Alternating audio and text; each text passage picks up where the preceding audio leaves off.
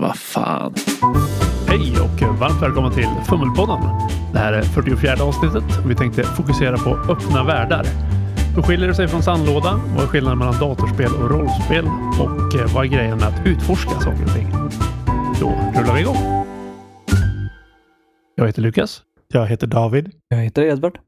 Jag har suttit hemma hela veckan nu och toklirat Zelda Breath of the Wild och sprungit runt och utforskat massa platser. Och innan dess har jag jobbat mycket med att bygga spelvärld och mekanik för settingen till eh, det här rollspelet Vindsjäl. Och sen nästa sak som vi ska spela i vår gemensamma spelgrupp är lite mer sandbox-inriktat. Så jag tänkte att det är ett alldeles ypperligt läge att vi snackar lite om det här med öppna världar och sandlådor och sånt där. Gärna för oss. Ja, förlåt. Jag blev väldigt så fascinerad av min stol som knarrade. Vi har gjort någon så här lite sandlådeavsnitt eller preppavsnitt Mm. för jätte, jättelänge sedan. Så jag tror inte att vi ska upprepa oss på den fronten. Men utan att känna något krav på att vi ska ha någon korrekt definition som är allmängiltig av det här. Hur skulle ni definiera open world i spelsammanhang? Fria tyglar, geografiskt sett i alla fall, som att kunna ta sig i vilken riktning som helst utan att känna att eh, man blir bromsad eller hejdad till den utforskningen. Jag avsaknaden av artificiella hinder. Alltså, det får inte ens finnas hinder. Jo, men inte artificiella hinder. Alltså osynliga väggar eller... För jag tänker nog, om man kontrasterar det mot eh, banor i spel. Så open world är att allting sitter ihop, man springer runt mellan olika platser. Och det kan finnas osynliga väggar här och där och eh, det kan finnas för höga berg för att klättra upp för och det kan finnas något hav eller något sånt där. Men allting sitter ihop medan det som inte är open world är liksom låsta banor. Här är level 1 och sen kommer du till bana 2 och den är någonting annat. Det finns ju en flexibilitet i rollspel där SL helt enkelt får möjlighet att se vad spelarna vill göra beroende på vad de utforskar. I ett dataspel eller ett tv-spel så måste det ju vara förskriptat. Det är ju ingenting som kan vara dynamiskt utvecklande. Det går inte att improvisera. Nej, för att det är det som blir problemet. Liksom Zelda har ju ofta föremål som krävs för att man ska ta sig vidare vid vissa situationer. Som här behöver du den här bumerangen för att ta dig in i det här templet. Så att det finns en artificiell bromskloss som liksom, du kommer att hitta något intressant här senare, men du är inte redo för det ännu. Vi vill att du tittar någon annanstans först. Och då har ju de varit tvungna att lägga in det för att de vill ha någon form av struktur. Så det är ju kronologisk för vilken ordning du ska göra saker.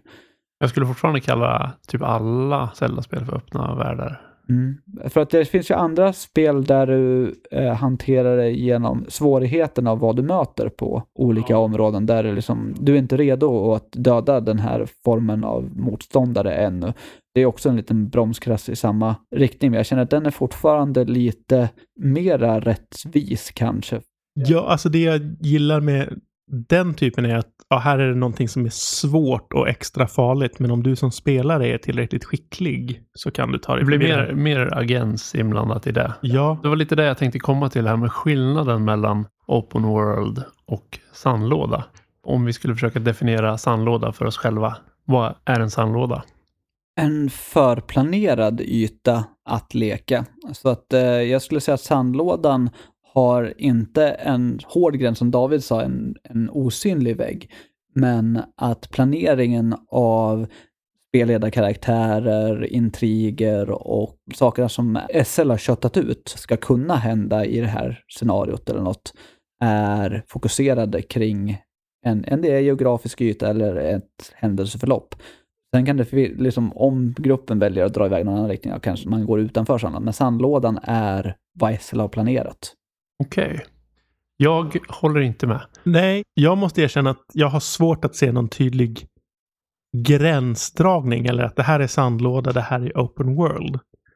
Mer än att det ena är engelska och det andra är svenska. Eh, ja, man kan säga sandbox och öppna världar. ja, kan man, så att, på det.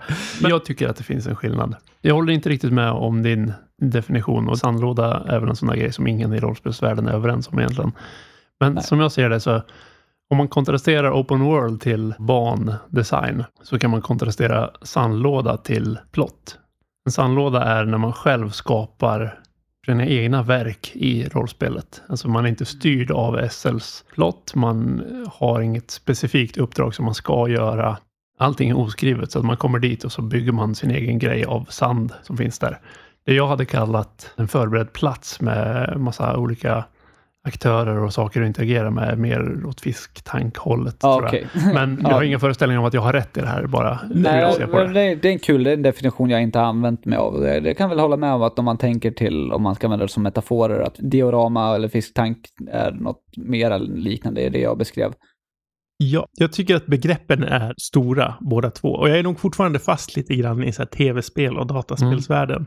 Det som jag menar är den stora skillnaden mellan en sandlåda och en öppen värld är att en öppen värld kan fortfarande vara en skriptad plott. Det är bara att du kan gå liksom lite var som helst, men du kan inte skapa någonting i den världen som inte är förbestämt, som inte är plotten som någon har satt där. Så Zelda är ett exempel på ett spel som absolut inte är en sandlåda, men det är absolut open world. Ja, okej. Ja. Eh, Medan riktiga sandlådor dyker nästan bara upp i rolls Minecraft kanske. Minecraft. Mount and Blade tror jag också är en riktig sandlåda. Okej, För där händer det saker som inte du påverkar, men du kan påverka sakerna runt omkring. ja, just det. Men det är bara så här emergent play egentligen. Det finns ingenting som man ska göra. Nej, utan man, där är det verkligen ah, skapa din karaktär. Vill du bli handlare eller vill du bli soldat eller en legoknäckt eller vill du bli kung?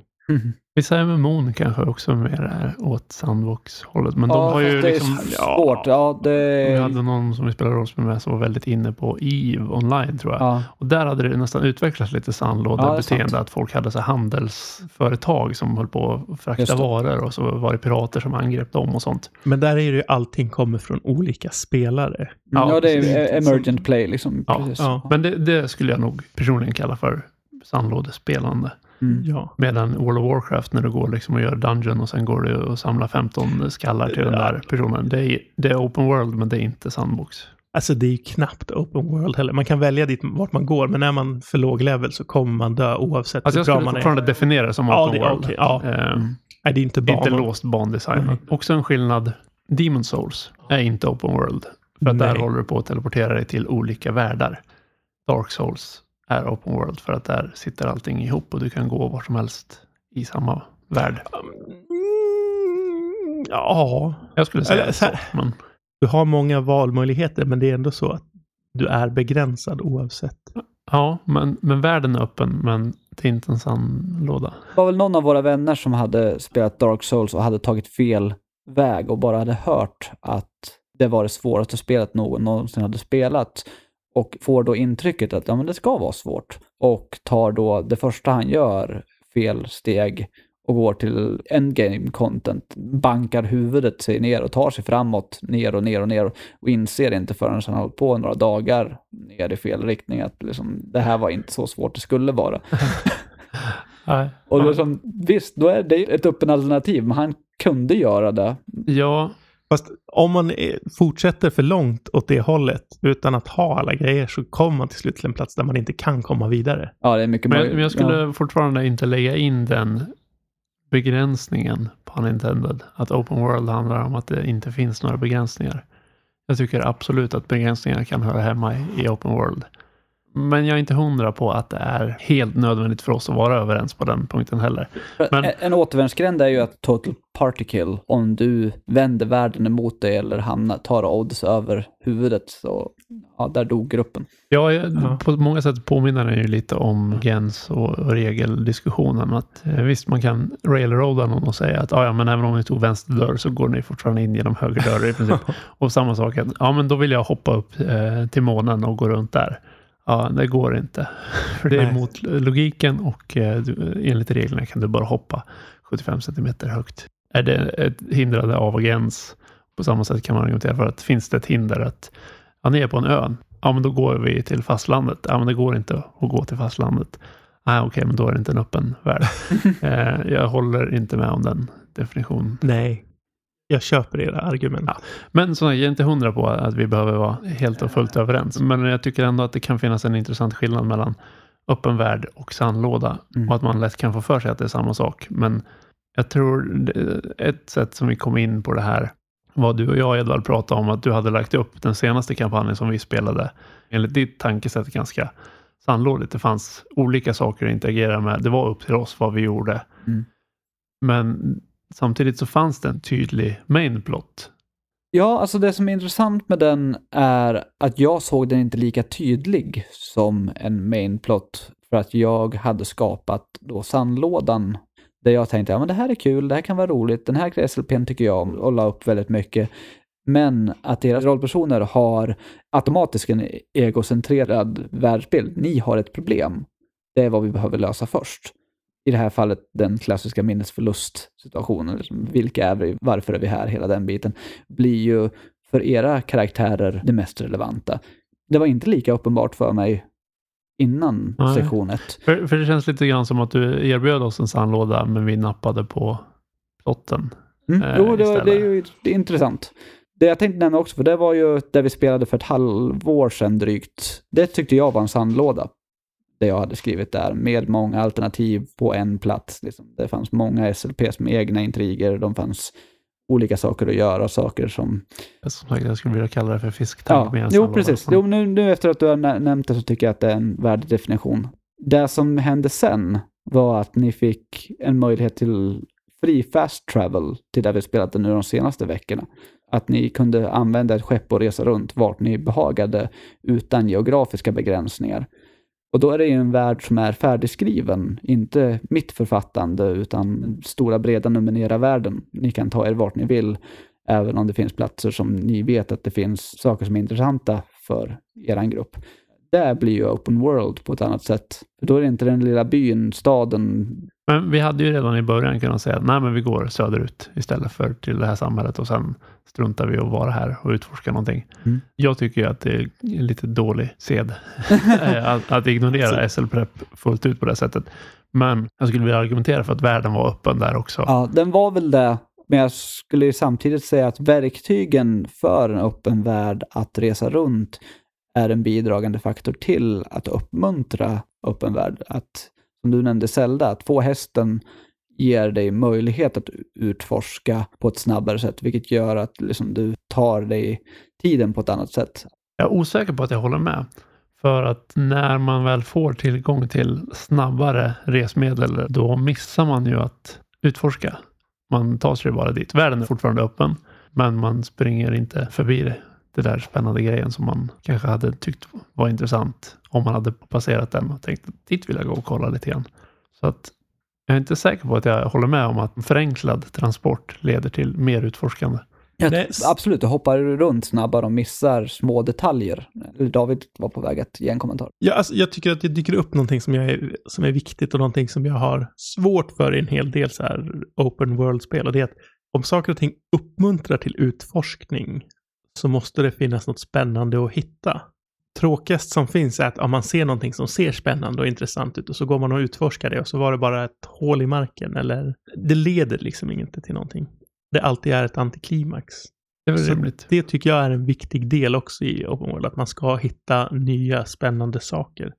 Det tycker jag också är räddningen i rollspel, att SL kan anpassa belöningen utifrån spelarnas insats. Det är ju andra tema för vissa spelmetoder att göra så, men det ges fortfarande ett utrymme för det. Jag spelade, när det var förhållandevis nytt, Amnesia, typ en halvtimme, för att jag kommer till första eller andra rummet, tror jag det är, där det finns ett förråd med 20 lådor och ett hål i taket och en dörr där det ska gå vidare. Och jag sa, ah, okej, det är box physics. Nu ska jag börja trava lådor. För det är en jättebra fysikmotor. Alltså, allting rasar flera gånger för mig och så jag håller på där i en halvtimme, timme. Och lyckas stapla allting så jag kan hoppa upp genom taket i hålet och kommer upp i en skybox. Ja. och så, hopp!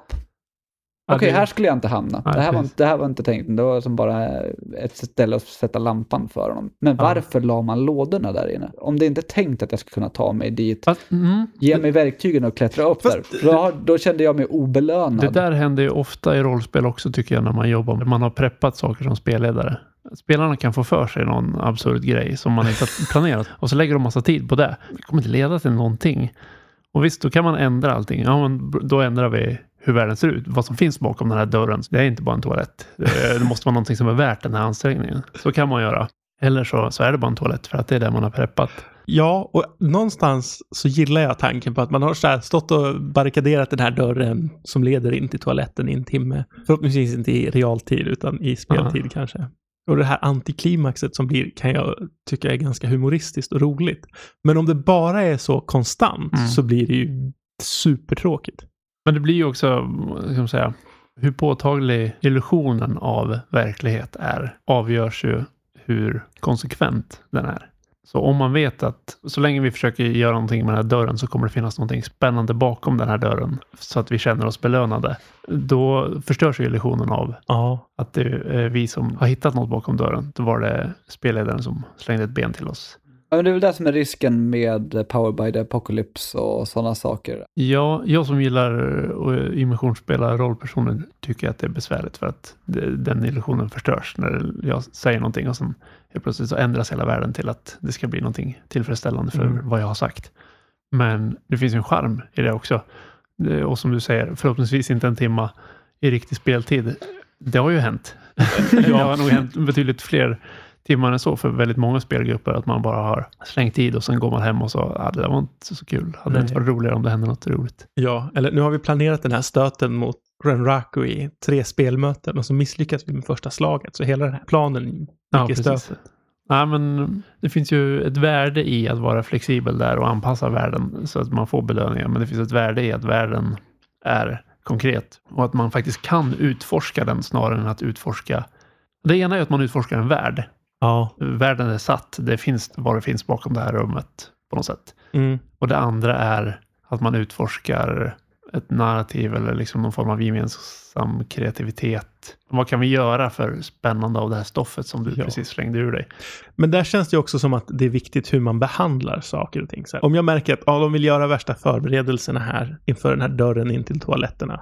Så kanske man bara, ja men ni gör det, allting blir perfekt. Eller ja, ni bygger upp någonting. Och vad gör ni? Att man som spelledare styr tempot lite grann där kanske. Det är väl en bra poäng. Det ska man inte underskatta. Nej. Den pacing om man kör något traddigt med spelledare. Ja. För det är ju, om jag ska slänga ur med ett kategoriskt uttalande, så det är ju bara i trad och OSR som man normalt utforskar färdiga världar och liksom har en spelledare som har Aha. preppat grejer. ja. Kör man samberättande så försvinner liksom den delen av utforskandet. Ett exempel där jag spelade på QueerCon körde vi A Quiet Year. Det är till viss del rollspelande men det är egentligen mer kartspel. Så man eh, bygger en region tillsammans. Så vi byggde någon, något samhälle som låg i en dal mellan två berg och det fanns någon flod och någon skog med vargar i. Spelar man igenom 52 veckor av det här året och det händer Mhm. lite olika grejer. Man drar kort och man bygger ut den här världen. Att drog vi ett kort att vi gör, hittar något gammalt fynd och då får någon hitta på vad det är för någonting och hur vi interagerar med det. Och så ritar man ut det på kartan. Och sen ritar man ut att vi hittar något nytt samhälle här borta och vi, det blir en skogsbrand där borta. Det är ju inte ett utforskande av den världen. Det är ett skapande av den världen. Ja. Det är ett utforskande av vår kreativitet. Ja.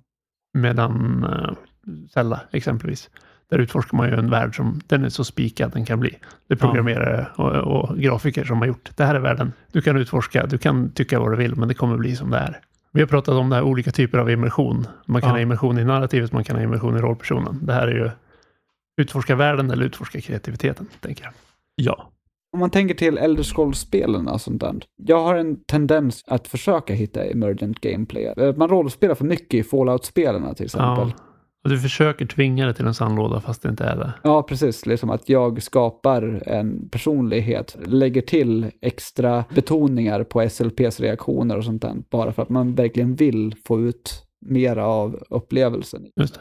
Det är liksom ett storyspel med massa sidequest. Men man rollspelar ju inte riktigt när man spelar dataspel i regel.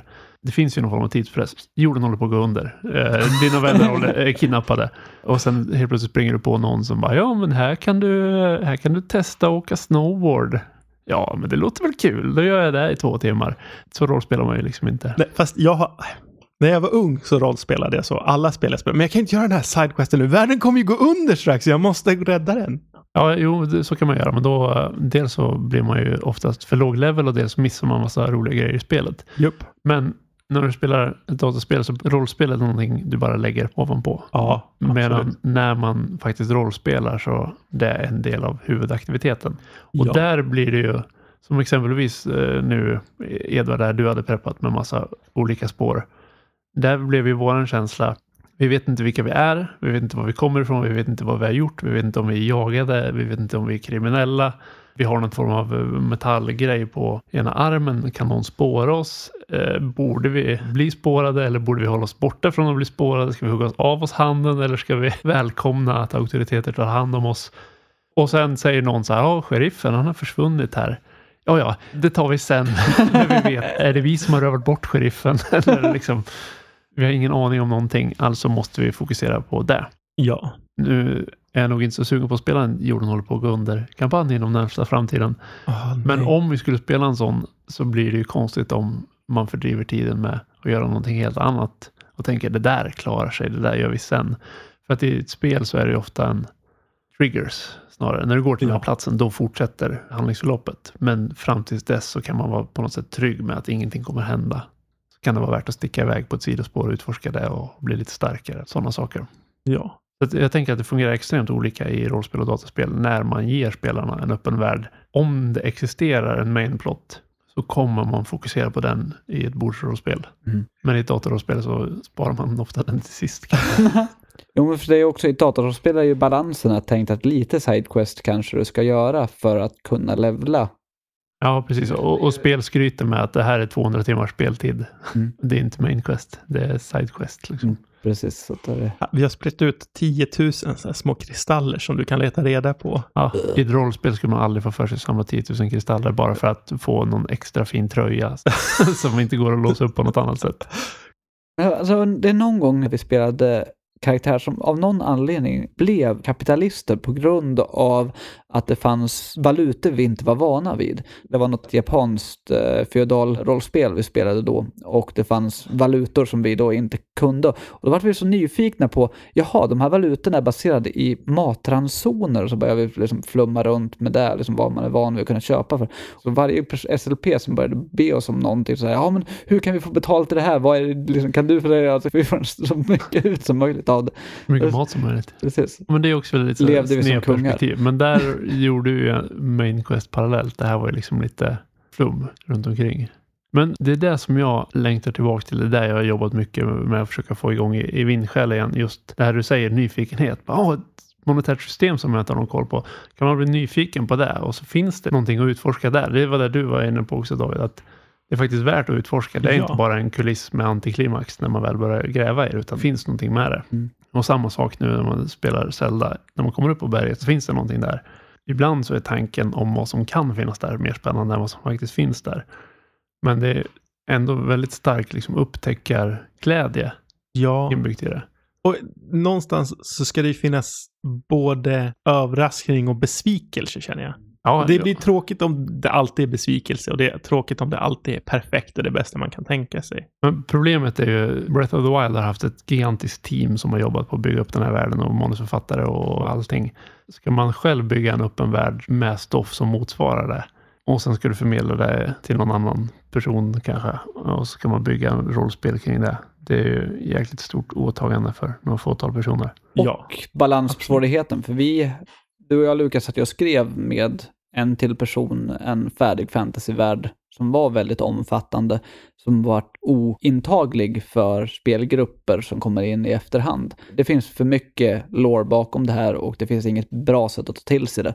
En stor grej som jag har tänkt på där är att när du spelar ett spel så kan du ju se bortom skogen där vid horisonten. Där finns det någonting som lyser. Och det ser spännande ut och då kan man lista ut hur man ska gå dit. Och så parallellt med det ser man att men där borta till höger om skogen, där finns det också något torn av något slag. Ja, det blir spännande. Det är svårt att få den upptäckarglädjen i ett rollspel för att spelarna säger ja, men ni ser bortom skogen, det finns något ljus där och sen ser ni att det finns något torn där på andra sidan det har inte samma inbjudande utforskningsmöjlighet, tycker jag, utan det blir mer en, här är en point of interest och här är en point of interest. De kan ni gå till om ni säger att ni vill gå till dem. Ja. Det känns inte så stort och öppet och detaljerat på samma sätt kan jag tycka. Nej, punkter Nej. blir ofta mera intressanta i dialog när man får en plats beskriven för sig av en spelledarperson kan jag känna ibland. Att du sitter och pratar med någon, för då kan du interaktivt ställa frågor och få hans värderingar av någonting och liknande. Just Om du får någonting visuellt beskrivet till dig, då ska din karaktär ha fått en uppfattning du inte kan få. Ja. Medan får du något beskrivet för dig så är det vad din karaktär hör personen säga motsvarande vad du som spelare hör. Ja, Jag tror det är ett mer tacksamt sätt att förmedla information ja, ja det, det där var ungefär det jag kom fram till också när jag satt och funderade på det här. Liksom, hur ska jag få den här vindskällvärlden att affordera open world-spelande, men jag inte liksom kan ge alla de här visuella Q-grejerna. Och det jag kom fram till där var just rykten. Alltså om man har folk som pratar om att här borta händer något spännande och här borta händer något spännande, då får man de referenserna, men man får någonting som säger att varför man ska utforska det, annat än att det ser roligt ut. Och det har då skapat en nyfikenhet hos spelarna. Om man då har engagerat sig att ta sig dit så lyssnar du på ett annat sätt när den platsen blir beskriven för dig sant. i förhållande till ryktena du redan hört. Det finns liksom då ett intresse i att bekräfta för sig själv hur sanna var de här ryktena. Jag tror det skapar ett intressant bonuslager.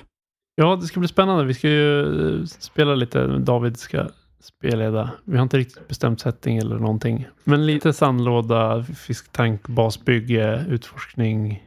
Ja, alltså så här, min tanke är nog att vi ska ha en session zero där vi tillsammans skapar någonting som alla ska vara lite nyfikna på. Och sen tar jag över det och så blir det supertraddigt efter det. Ja, ja, men det kan bli spännande. Ja, men jag tror det. Får se om det här är någonting vi kan ta med oss eller om det bara är mumbo jumbo. Men Ja, jag har suttit och varit tyst och lyssnat ganska mycket för att försöka stjäla alla era smarta idéer. Ja. Så, om det och så här, nästa avsnitt så kommer det vara hur David misslyckades med hela det här. Jag tror så här, nu när du kommer spelleda, jag, jag har anat en tendens att när jag spelade, då satt vi och kritiserade mina tillkortakommanden.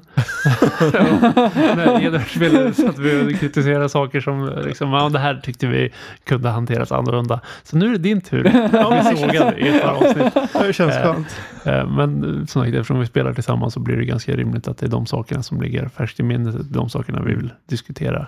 Ja. Men jag tror att det kan vara nyttigt att ha som verktyg när man diskuterar sånt här.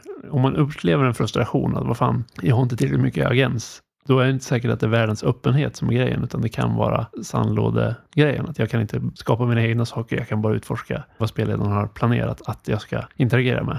ja. Jag kan inte skapa något eget, jag kan bara trigga olika saker. Jag kan bara starta triggers. Och då kan spelaren fortfarande ha uppfattningen att men det är ju helt öppet. Men att man skiljer på sandlåda och open world där tror jag Mm. kan underlätta diskussioner om sånt här. Ja. Vi rundar om så helt enkelt. Ha det bra hörni. Det Tack och hej. Hej. Hej. Du har lyssnat på Fummelpodden som presenteras i samarbete med Studiefrämjandet. Du får gärna gilla vår Facebook-sida eller kanske följa oss på Instagram. Länkar finns i avsnittsbeskrivningen. Har du feedback eller tips på ämnen? Hör av dig via sociala medier eller skicka ett mejl till info.fummelpodden.se.